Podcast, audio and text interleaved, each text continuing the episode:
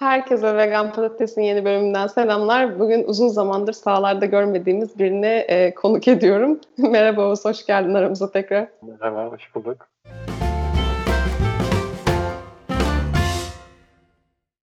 Şeyi sorarak başlayacağım. E, bunca zamandır vegan patatese video çekmekten daha önemli ne işin vardı da burada video çekmedin benimle? Ben zorunlu hizmetten döndüm İstanbul'a. İstanbul koşuşturmacası, doktoraydı vesaire falan derken insanın bazen böyle yenilikler gelince ve yaptığın şeyde alışkanlıktan çıkınca sanırım yapmak zor oluyor. Bir ara dedim böyle video atayım koyayım. O da böyle her seferinde çok zorluyordu. O yüzden birazcık bu mecralardan uzak kaldım. Galiba en önemli şey Bununla ilgili de eğer Barış izlerse bu videoyu selam söylüyorum. Arkadaşım var Barış diye. Kendisi o da aslında bir gezgindi ve benim için gerçekten de çok önemli bir, kendisi. O da neredeyse Çin sınırına kadar Türkiye'den bisikletle gitmişti oraya. Geçen hafta alışkanlıkların gücünden bahsetmiştik. Böyle bir şeyi alışkanlık haline getirmenin ne kadar önemli olduğundan bahsettik. Ama maalesef bu video yapma işini bir alışkanlık haline getiremedim. Her zaman böyle zor geliyor. Her seferinde yapmak için çaba harcamam gerektiğini düşünüyorum. O alışkanlık edinme halini videolara dökmek gerekiyor galiba. Ee, bir de geçtiğimiz günlerde sen bir korona atlattın. Evet, korona atlattım. Şöyle oldu. Ben iki hafta önce hafif bir boğazda acıma, ertesi gün başlayan kuru bir öksürük vardı. Sadece klinikteyim, hasta görüyorum. Ee, bir de spora gidiyordum. Sporda çok insanlarla hani yan yana değiliz, taşır neşir şeyleri konuşmuyorum etmiyorum ve gerçekten herkese de mesafe var aslında. Hastalarımdan birinden kapmış olabileceğimi düşünüyorum açıkçası. Çünkü ateşli kliniğe gelen hastalar var tabii ki. Onlardan kapmış olabilirim. Spordan hala şüphelerim var. Var mıdır yok mudur diye. Ama mesela enteresan olarak korona ben de halsizlik yapmadı. Kas ağrısı da yapmadı. Ateş, Ateş de yapmadı. Hiç çıkmadı. Hayır. Sonra gittim işte tahlil verdim. Bir gün sadece bir, bir halsizliğim oldu. Gittim tahlil verdim. Ve o tahlilin sonucunda pozitif gelince tabii ki 10 gün evde e, tamamen karantina oldu. Evde vakit geçirmeyi de seven bir insanım. İşte hayatıma gerçekten bazı başka alışkanlıkları da atmak adına değerlendirdim bu 10 günü diyebilirim. Hiç korktun mu peki korona pozitif olduğunu öğrendiğin zaman? Korktum. Epey korktum. ee, çok korkutucu bir şey ya. Çok normal çok yani korkma. Çünkü bir de bu aralar belki medyadan takip ediyorsunuzdur bilmiyorum. Ölen çok hekim var. Yani sırf evet. dün 5 kişi öldü. Ondan önceki gün yine 5 doktor vefat etti. 30 yaşında vefat eden bir beyin cerrahı var. Çok genç, komorbid hastalığı olmayan kişilerin, sağlık çalışanlarının e, ölüm haberlerini okumuştum. Ve bu süreçte de okumaya devam ettim hastalık sürecinde de. Beni epey olumsuz anlamda etkiledi. Çok bazı günler moralim bozdu. Uykularım kaçtı. Böyle tam uyku evresine giremediğin ve başından böyle kafandan atamadığın düşünceler gelir. Bir şekilde uzaklaştıramazsın uyku evresinde. E, ve hiçbir şekilde kafamdan bunu atamadığımı fark ettim.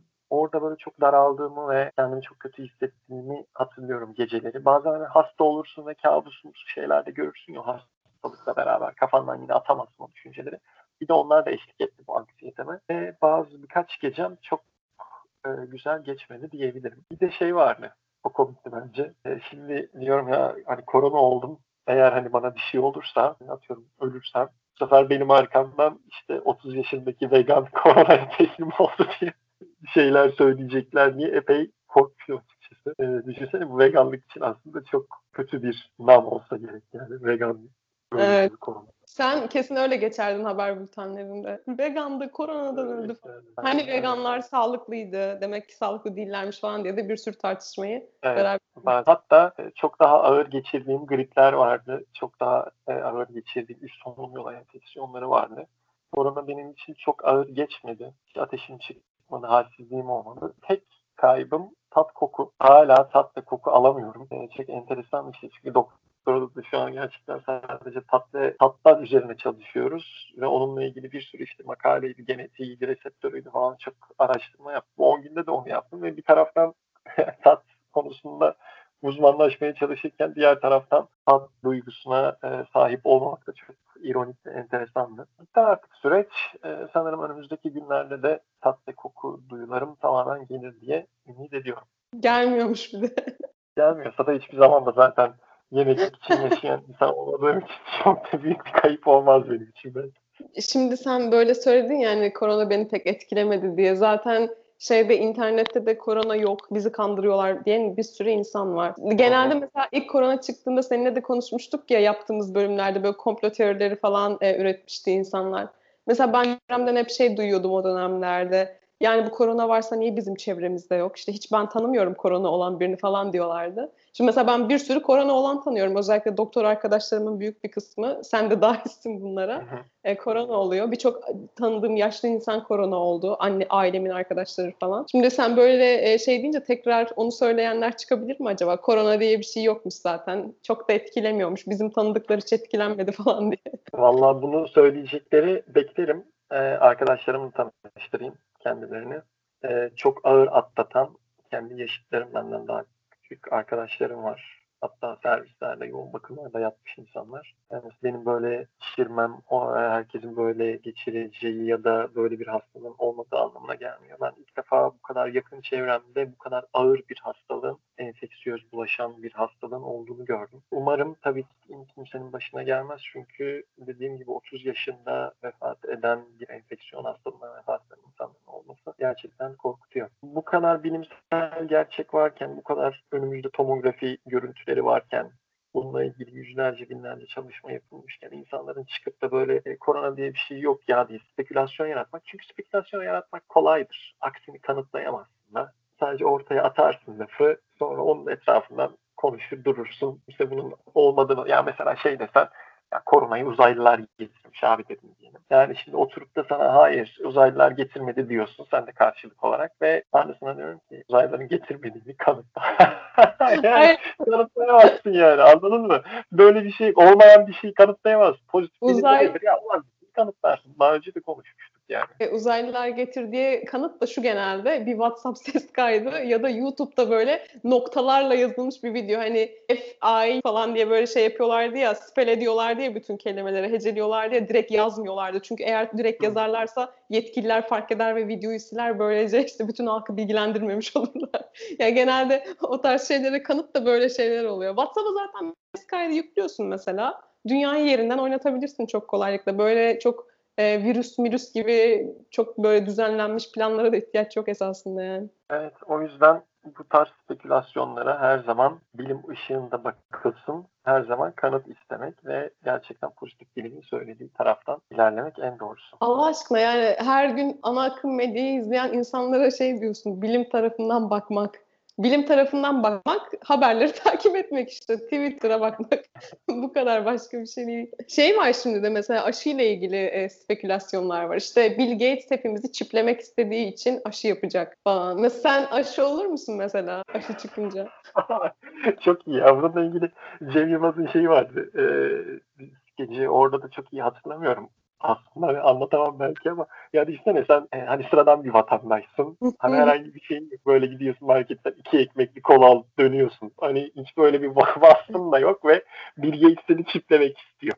Hani kendine nasıl bir rol vermişsin orada nasıl bir önem arz et, duruyorsun şey yapıyorsun ki önemli görüyorsun ki kendini e, Bill Gates'in senin kendini çiftlemek istediğini söylüyorsun. Yani bana hakikaten şey geliyor, saçma ve komik geliyor. Bence biri bir açıdan da çok şey böyle iyimser bir bakış açısı. Şimdiye kadar çiplenmemiş olduğumuzu düşünüyor çünkü. Yani şayet böyle bir çipleme meselesi varsa hani ne yapıyoruz, ne ediyoruz takip etme konusu varsa internette olan her şey, kendimize ait her şey aslında bizim çiplenebileceğimiz anlamına geliyor. Ya da benim amacı hani köle yetiştirmekse bir şekilde e, sisteme hizmet edecek köle yetiştirmekse bunu çok içme suyuna bir şey katarak da yapabilirler. Yani bu kadar yine organizasyona gerek yok. İşte önce virüs çıkaralım sonra aşıyı bulalım insanları korkutalım falan.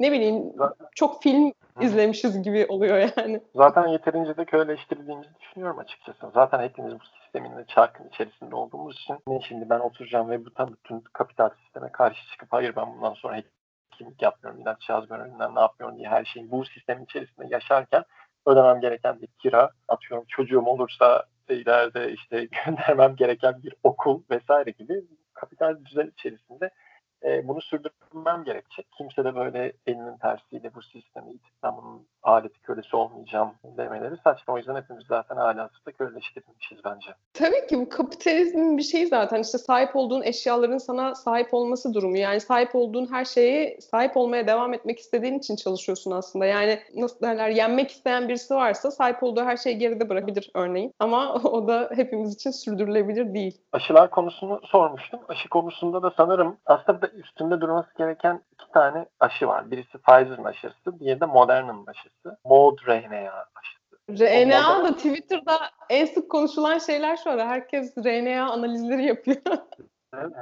Bunu bu konuyu konuşmuştuk galiba biz daha önce bölümlerimizden birinde aşıların Moderna'nın aşısıyla ilgili sanki. Moderna'nın aşısı işte messenger RNA. Pfizer'ınki de messenger RNA aşısı ve onlarda virüsleştirilmiyor aslında bir parçasını veriyorsun ya RNA ile beraber. Öyle olduğu için de hani herhangi bir hayvan kullanılmıyor ve aşı vegan aşı olarak lanse edilmişti zaten Mart ayında da bunun konuşması yapıldığı zaman. Hayvanlar üzerinde kullanılmamış olması hatta Moderna'nın CEO'sunun hayvanlar üzerinde test yapmamıza da gerek yok gibi bir açıklaması vardı. E bu tabii ki bence çok güzel bir haber ama nitekim sıfır yani hayvan çalışmalarıyla faz 3 çalışmalarını başlattılar. Aynı anda yaptılar. Ama gelecek ve ilerisi için sanırım güzel bir haber. Yani aşıların ve ilaçların artık sıfır hayvan çalışmalarına gerek olmadan piyasaya çıkabileceğinin bir sanırım göstergesi olabilir Moderna'nın aşısı. Sen aşı olacak mısın peki? Ben aşı e, olacağım. Olurum aşı tabii ki. Burada tabii şunu da bilmek lazım. Bu önümüzdeki bir yılın, altı ayın, dokuz ayın neyse işte buradaki süreçteki çalışmaların ve bunların güvenilirliğinin de bilinmesi lazım. Mesela influenza aşısı için herkes şimdi bu ara influenza aşısı peşinde koşuyor. E, 65 yaş üstü kronik hastalıkları olanlar tabii ki influenza aşısını yaptırsın. Ama sen sen bizim popülasyonda hastalıkları olmayan kişilerin influenza aşısı yaptırmalarına gerek yok. Bak influenza diyorum. Sonra vay aşı yani Covid falan için söylemiyorum bunu. Burada akılcı yaklaşmak lazım.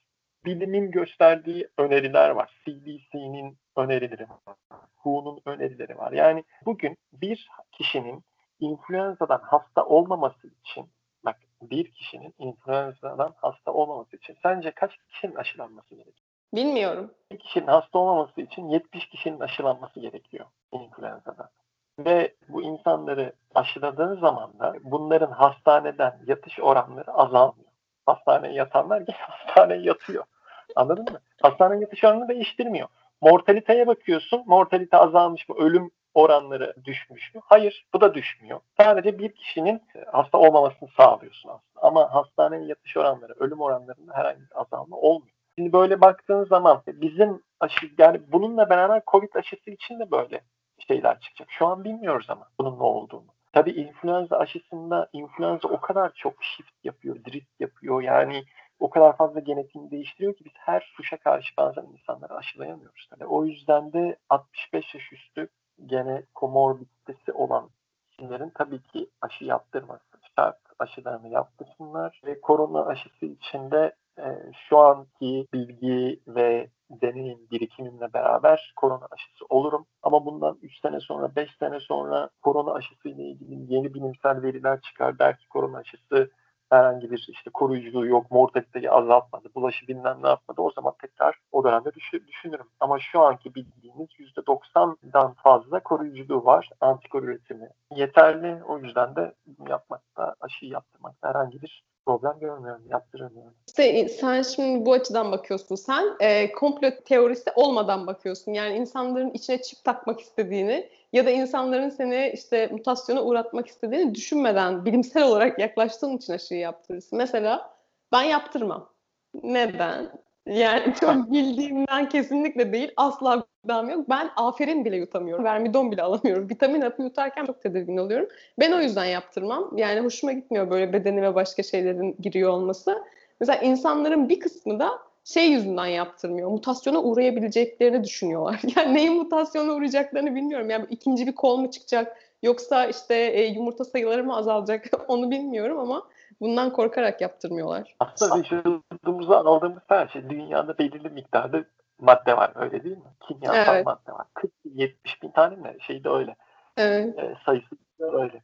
Şimdi bunun içinde atıyorum portakal da var ya da işte elma da var bilmem ne de var. Yani bunların hepsi aslında xenobiyotik diye geçiyor. senin vücuduna aldığın aşı da bir xenobiyotik. Dışarıdan yediğin mercimek de bir xenobiyotik. Atıyorum aldığın vitamin de öyle. Yani vücuduna aldığın ister oral yoldan al, ister intramusküler al fark etmez. Bunlar zaten vücudun yabancı olduğu şeyler. O yüzden sen hani aferin yutamıyorum, vermidon yutamıyorum vesaire herhangi bir şey yediğin zaman ki durum hadiseyle vermidon yuttuğun zamanki durum aynı oluyor. Birbiriyle çok fark etmiyor. İkisi de çünkü vücuda yabancı xenobiyotik. Evet. Yani bunun şeyin ilaç olması onu daha fazla kimyasal ya da daha fazla bilmem ne yap, paketli bir şey aldığın zaman da onun içinde de kimyasal evet. var. Ama birinden de ilaç ilaç olduğu zaman sanki o genetik değişiyormuş kafasına Öyle bir şey yok. Yok ben genetiğim değişir diye korktuğumdan değil. Benim genel bir korkum olduğu için. Yani onun içindeki herhangi bir şeye alerjim olabilir. Onun içindeki herhangi bir şey bana iyi gelmeyebilir diye. Mesela bir keresinde bir aferin yutmuştum. Çok hasta olmuştum.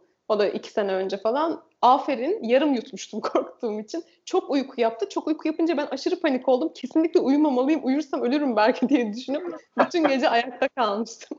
Yani o yüzden yutmuyorum. Yoksa mutasyona uğramak istemeyen güneşe çıkmasın. Yani hayatımızdaki her şey bizi bir şekilde değiştiriyor zaten. Mesela vegan patateste şimdi şeyi işliyoruz. Veganlık ve tarımı. Yani orada da mesela şeyi çok görüyoruz. Bir sürü bitkide o kadar çok tarım ilacı var ki. Sürdürülebilir Yaşam Film Festivali vardı mesela. Orada yemeklerle ilgili soframızdaki zehir diye bir bölümü izledim. Yediğimiz şeylerin içinde o kadar çok tarım zehri var ki. Yani tarım ilacı demeye dilim varmıyor. Zehir diyorum o yüzden. Ya organik tarım yapılmadığı sürece, vegan tarım yapılmadığı sürece gerçekten o yediğimiz ve yediğimiz için sağlıklı olduğumuzu düşündüğümüz bitkilerin, sebzelerin içinde de bir sürü şey var. Şey var bir de Covid'i geçtik. Şimdi bir de kuş gribi şeyi başladı. Birçok ülke e, hayvanları öldürmeye başladı. Hatta çiftliklerdeki hayvanların büyük bir kısmını e, toplu olarak katlettiler. Ondan sonra hayvanların dışarıya çıkmasını engelleyen bazı ülkeler var. Yani bir de kuş gribi geliyor. Sen bunu önceki bölümlerimizden bir tanesinde dile getirmiştin galiba. Asıl kuş gribinden korkmamız lazım falan diye. İlk konumuz zaten Covid çıktıktan sonra esas büyük problemin kuş gribi olacağı ile ilgili bölüm çekmiştik. Hatırlıyorum ben o zaman aklımdaydım. Yani onu bekliyoruz. Onun zaten haberini duyayım. Yani insandan insana geçmeye başladı. Kuş gribi falan da bütün pılımı pırtımı toplarım. ne var ne yok direkt direkt giderim yani. O çünkü yüzde elli öldürücü. Tamam şimdi Bulaşı... tehlike tellallığı yapma lütfen yapma ne olur yokmuş gibi davranalım. Kuş gribi yokmuş ve hiç gelmeyecekmiş gibi davranalım. Geçen gün bir arkadaşımla konuşurken şey söyledim işte hepimiz vegan olsaydık bunların hiçbirini yaşamazdık dedim bana güldü. Ciddi bir şey söylüyorum gerçekten hani öyle olsaydı böyle olmazdı diyorum dedim. Ya bu veganlar yok mu falan dedi ama gerçekten hepimiz vegan olsaydık şu an bunların hiçbirini konuşmuyor olurduk. Çok ironik değil mi? Evet yani baktığın zaman öyle. Esas bence ironik olan ne biliyor musun? Ee, sağlık yönünden işte veganlık propagandası yapmayın, veganlığın bununla alakası yok deyip bugün vegan olsaydık bugün Covid-19 olmazdı o yüzden vegan olun diye propaganda yapan insanlar olduğunu düşünüyorum. Birbiriyle inanılmaz çelişiyor. Yani vay sağlık mı işte sağlık üzerinden niye bunları söylüyorsun? İnsanlar işte veganlığın sağlıkla alakası yok falan diyorlar. Tamam doğru okey buna bir şey demiyorum. Ama hani böyle deyip de papara şey yapanlar ne derler papara veren şey yapanlar böyle sinirlenip böyle bana kızanlar ya diyorum bir şey yapmıyorum. Yani protein sordukları zaman hayır istediğin kadar proteini bitkilerden de alabiliyorsun. Çünkü işte esas güneş enerjisi, toprak, nitrojen o yüzden protein alıyor. Yani bir şekilde iş her zaman işin bu kısmına geliyor. Öyle değil mi? İşte D vitamini nereden alıyorsun? Protein nereden alıyorsun? Omega 3'ün nereden alıyorsun? Yani her seferinde bu konu bir şekilde açılıyor. Ama bu konu evet açılıyor ama insanlar bunu kabul etmiyor ve işte hayır ne pahasına olursa olsun vegan olacaksın. İşin sağlık boyutu her zaman arka planda arka planda da söz konusu. Ve işte evet etik olarak benimsin. Tamam doğru etik olarak benimsin. Ama böyle diyen insanları şimdi işte vegan olsaydınız Covid-19 olmazdı. E, vegan olun bir daha pandemi olmasın böyle. Evlerimizde kalmayalım diye söylemleri olduğunu biliyorum. Ben bunu çok aynı na veganların kedi köpek sevip inekleri yemesini e, iki yüzlü buldukları gibi bulduğumuz gibi onların bu davranışında açıkçası iki yüzlü buluyorum. Bunu da notlara Sahalara müthiş bir dönüş yaptın gerçekten. İlk bölümde dedikodu olmasını beklememiştim ama yine güzel oldu. Sen Korona sürecinde annem ve ablam bana e, sağ olsunlar iki günde bir yemek getirdiler. Onlar kapının ucunda duruyorlar. Ben bu tarafta duruyorum. Bir tane fotoğraf çekmişim. Birkaç arkadaşım ağladığını söylediler fotoğrafı görünce. Aa. Duygusuzluk da var. Duygusuz olmak var. Gerçekten sonra düşününce fark ettim. Ya düşünsene kapının uzağında duran e, sevdiklerim var ve kavuşamıyorsun, buluşamıyorsun falan. Ve Annem böyle devamlı bana güzel sevdiğim yemekleri yapmak istiyor. Yapıyor ve getiriyor da mesela kabak tatlısını çok seviyorum. Kabak tatlısı yapmış ve onlara Ama... dokunamadım. Tat almıyorum. Diyor ki sen canım ne istiyor ne yapayım? Vallahi dedim anne en kolay ne varsa onu yap. Çünkü dedim tat almıyorum. O kadar sıfır tat almam. O en sevdiğim yemekler hala bekliyor. Onları yemeyi düşünüyorum. Ama henüz yiyemedim. Sadece böyle günü geçiştireyim. Böyle hatta bir gün şey yedim. Salatanın üzerine tahin pekmez. Onun üzerine kaju peyniri döktüm. Kaju yoğurdu döktüm. Badem peyniri döktüm. Avokado sos, sos döktüm. Ceviz döktüm. Avokado sos da daha çok guacamole gibiydi. Ve onları karıştırıp yedim ve bildiğin sıfır. Hiç tat almıyorsun. Sonra yedim ve gayet iyi Sonra midem bulanmaya başladı çünkü o düşünce tahin pekmez salata badem Sonra onun düşüncesi midemi bulandırdı. Yoksa salatanın kendisinden kaynaklı bir şey değildi çünkü hiç tat almıyordum. Evdeki yaramaz evde, çocuklar gibi geçirmişsin yani korona karantinanı. Evde bir de şey var, şampuanım falan var. Şimdi her gün biliyorum tat koku kaybı olacağını. Her gün böyle şampuanımı kokluyorum. Tat koku kaybı olmuş mu olmamış mı diye. Bir gün baktım böyle gerçekten koku gelmiyor. Sonra böyle zorluyorum ne kadar koku alabiliyorum acaba diye. Sonra baktım ciğerlerim yanmaya başladı. en son bayağı burası yanıyor böyle dedim ne yapıyorsun? Kendi bir kimyasal zehirlemeye sokacaksın. Zaten baktığımız zaman acı hissiyatının ben dedim ya reseptör, tat reseptörleriyle ilgili doktora şey çalışması yapıyoruz doktora diye. Acı aslında bize neyin yenilip neyin yenilmeyeceğini söyleyen şey. Mesela, acı insanı bu, hayatta tutan şey. Acı duygusu olmayan insanlar yaşayamıyor zaten. Evet. Yani o pis koku olayı aman o bozulmuş yemeyeyim. Daha böyle olgun meyve yiyeyim. Şeyde ekşilerde mesela ya da olmuş yiyeyim. Şeyler var. Şu an onlar tamamen yok. Sanırım daha böyle temel eski günlere gidip bilmesem neyin yenileri, neyin yenileyeceğini falan gerçekten bu malnütrisyon olup da belki de e, hayatımı idame ettiremeyebilirdim. Yani. Bilmene rağmen şampuan koklayarak kendini zehirlemişsin. Eğer korona olursanız şampuan koklayarak test yapmayın. Yapmayın. Evet, gerçekten. Bu şeye benziyor ya. Hani tüpü şey diye kontrol ederlerdi ya çakmakla şöyle etrafında. Evet, evet. Ona benziyor. Şeyi çok merak ediyorum. Şimdi bir ara şey çıktı ya bu D vitamini eksikliği işte korona ölümlerini artırıyor diye. Sonra da evet. hatta şunu açıkladılar. D vitamini eksik olan insanların %99'u ölüyor diye açıkladılar. Sen ne dersin bu konuda? Mesela şimdi şey yapma şansın var mı? E, gidip böyle bir kan tahlili falan yaptırsan görsek D vitaminin ne kadarmış? Yani böyle bize de kanıt sunmuş olursun. Evet bu konuyla ilgili D vitamini önemli gerçekten. D vitamini düşük olanların ayakta geçirme ihtimali daha düşük oluyor. Yani hastaneye yatışları daha yüksek oluyor. D vitamini yüksek olanlar daha kolay, daha rahat atlatıyorlar. Ee, burada önemli olan şimdi gidip D vitamini ölçtürmene gerek yok. Ee, D vitamini takviyesi kullanabilirsin. Çünkü toplumun zaten gerçekten çok büyük bir çoğunluğunda hatta %50'sinden fazlasında zaten D vitamini düşük. Artvin'deyken ben orada D vitamini gerçekten normal olan hastam neredeyse hiç yok diyebilirim. O yüzden herkes D vitamini takviyesi kullanabilir. Damla formları var. Gene vegan D vitamini takviyeleri var. Onlardan alabilirler, baksınlar. Günde 2000 ünite alacak şekilde. Tablet formları var mesela. Zaten onlar 2000'lik. Onların üzerinde yazıyor. Damla başına e, şey de yazarlar. E, damla başına ne kadar e, ünite olduğu da yazılır. 2000 ünite alacak şekilde her gün D vitamini takviyelerini ayarlasınlar. Ama D vitamini gerçekten çok önemli. Herkes mutlaka D vitamini alsın. C vitamini peşinde koşmalarına gerek yok. C vitamini alayım dışarıdan diyeyim. Ee, önemli olan bunu da olabildiğince meyvelerden ve bitkilerden almaya çalışmak. Çinko ile ilgili çalışmalar var. Çinko takviyesi de kullanabilirler. Benim bu konuyla ilgili soracaklarım bitti sana. Şu an iyisin ama değil mi? Yani e, iyileştin. Bu sürecim de bitti artık zaten. Karantina sürecim de doldu. O yüzden herhangi bir problem, herhangi bir şey kalmadı. Şunu yayabiliriz. Kesin bilgi. Veganlar daha rahat ve kolay geçiriyormuş. ben evet başlığı vegandı korona oldu diye attım ama bir parantez olarak da veganlar daha rahat geçiriyor. Bütün WhatsApp gruplarında paylaşalım lütfen. Ama son olarak şunu da söyleyeyim. Bunun bir endotel hastalığı, bir damar hastalığı olduğu unutulmasın koronanın. Ve baktığımız zaman veganların kalp damar sağlığının daha iyi olduğunu da unutmayalım. Daha önce de konuşmuştuk ya tansiyon hastalığı daha az, obezite daha az, şeker hastalığı daha az gibi. Hem risk faktörlerimiz daha hem de gerçekten damar sağlığımız diğer popülasyona göre daha iyi. O yüzden vegan olanlar bağışıklık sistemlerinden şüphe etmesinler. Doğru yoldalar yani. Bu, bu da mesela şey olabilir, bir e, çalışma yapabiliriz bununla ilgili. Şimdi bu videoyu izleyen e, veganlar arasından, bilmiyorum 5 kişi, 10 kişi, e, aile WhatsApp gruplarından başlayarak, aileler özellikle ilk hedefimiz olabilir. İşte arkadaşlar vegan olunca korona daha hafif atlatılıyormuş, hayvansal ürünler yemeyin falan diye böyle bir 5-6 kişiden salsak böyle piyasaya veganlık daha iyiymiş söylentilerini. 2-3 aya kalmaz nüfusun büyük bir çoğunluğunu vegan yapabiliriz. Bu sefer linç yeme. Yani sağlık için, mağlık için günün sonunda daha az hayvan katledilecekse, daha az hayvan ölecekse iyi bir şey değil mi bu? Bu, bu Evet. Bunu şimdi başka bir videoda tekrar konuşalım. Yani çok derin bir konu. Böyle iki dakikada iyi bir şey değil mi? Evet iyi bir şey diye atlayamayız yani. Kötü tarafları da var çünkü. Kötü tarafları da var. Yani işte bilinçsiz bir topluluk yaratmış oluyorsun aslında orada. Bu, bu diğer videomuzun konusu olsun. Bunu not edelim. Neyse tamam.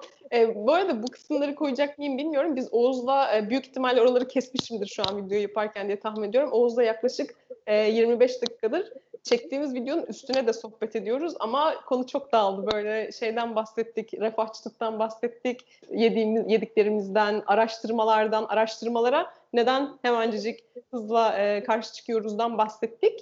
Oraları şimdi koymayacağım. Onların hepsi ayrı bir bölüm çünkü. Sen de içimde bir şey birikmedi demiştin ama bayağı bir şey birikmiş yine.